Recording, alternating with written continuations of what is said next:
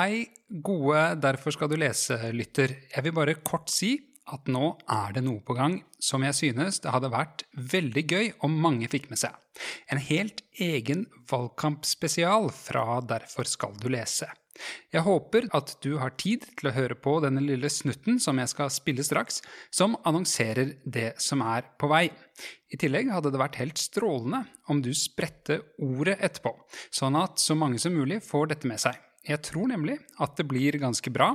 Vel, her kommer det i alle fall.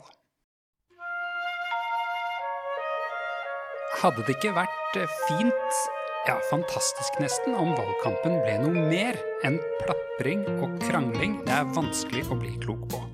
Podkasten Derfor skal du lese har tatt grep. Gjennom ni episoder snakker jeg, Halvor Fine Strettvold, med toppolitikere fra alle stortingspartiene for å få vite mer om hvordan de tenker, hva de leser, hvordan de ser verden, og hvilke verdener de drømmer seg bort i.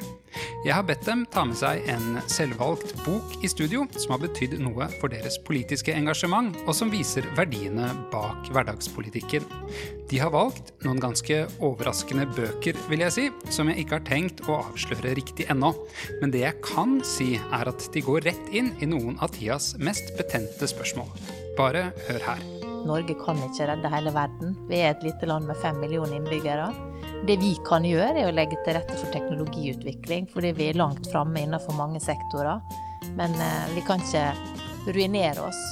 Er det fornuftig å erstatte en prikk, prikk, prikk konge med sydhavskonge i nye utgaver av Pippi-bøkene, som du ser det? Nei, her kan ene generasjonen spille noen rolle, men det bør stå negerkonge, for det skrev Astrid Lindgren. Og så bør lærerne bruke tid til å forklare hvorfor det eh, ble skrevet da, og Mm. hvorfor det ikke er sånn nå. Og det er heller ingen betenkeligheter med å bruke ordet.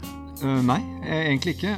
Men for meg, altså det rundt Lan Marie Berg, det vekker en sånn derre Det er så opplagt at hun blir behandla enda verre enn det vi andre blir, fordi hun ser ut som hun gjør.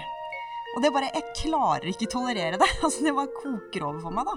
Eh, og vi er nødt til å konfrontere det i oss sjøl, for det, det er det som er tingen her. Liksom bare, det, det handler ikke om bare politikken hun står for eller partiet hun representerer. For det skjer ikke med de andre i MDG, det skjer med henne. Vel, vil du ha mer, får du følge med på Derfor skal du lese fra 16.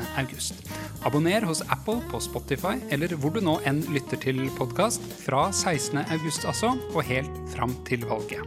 Du vil neppe angre på at du lytter til valgkampspesialen fra Derfor skal du lese, podkasten for deg som vil vite hva du skal stemme, og hva du skal lese. Vi hørs!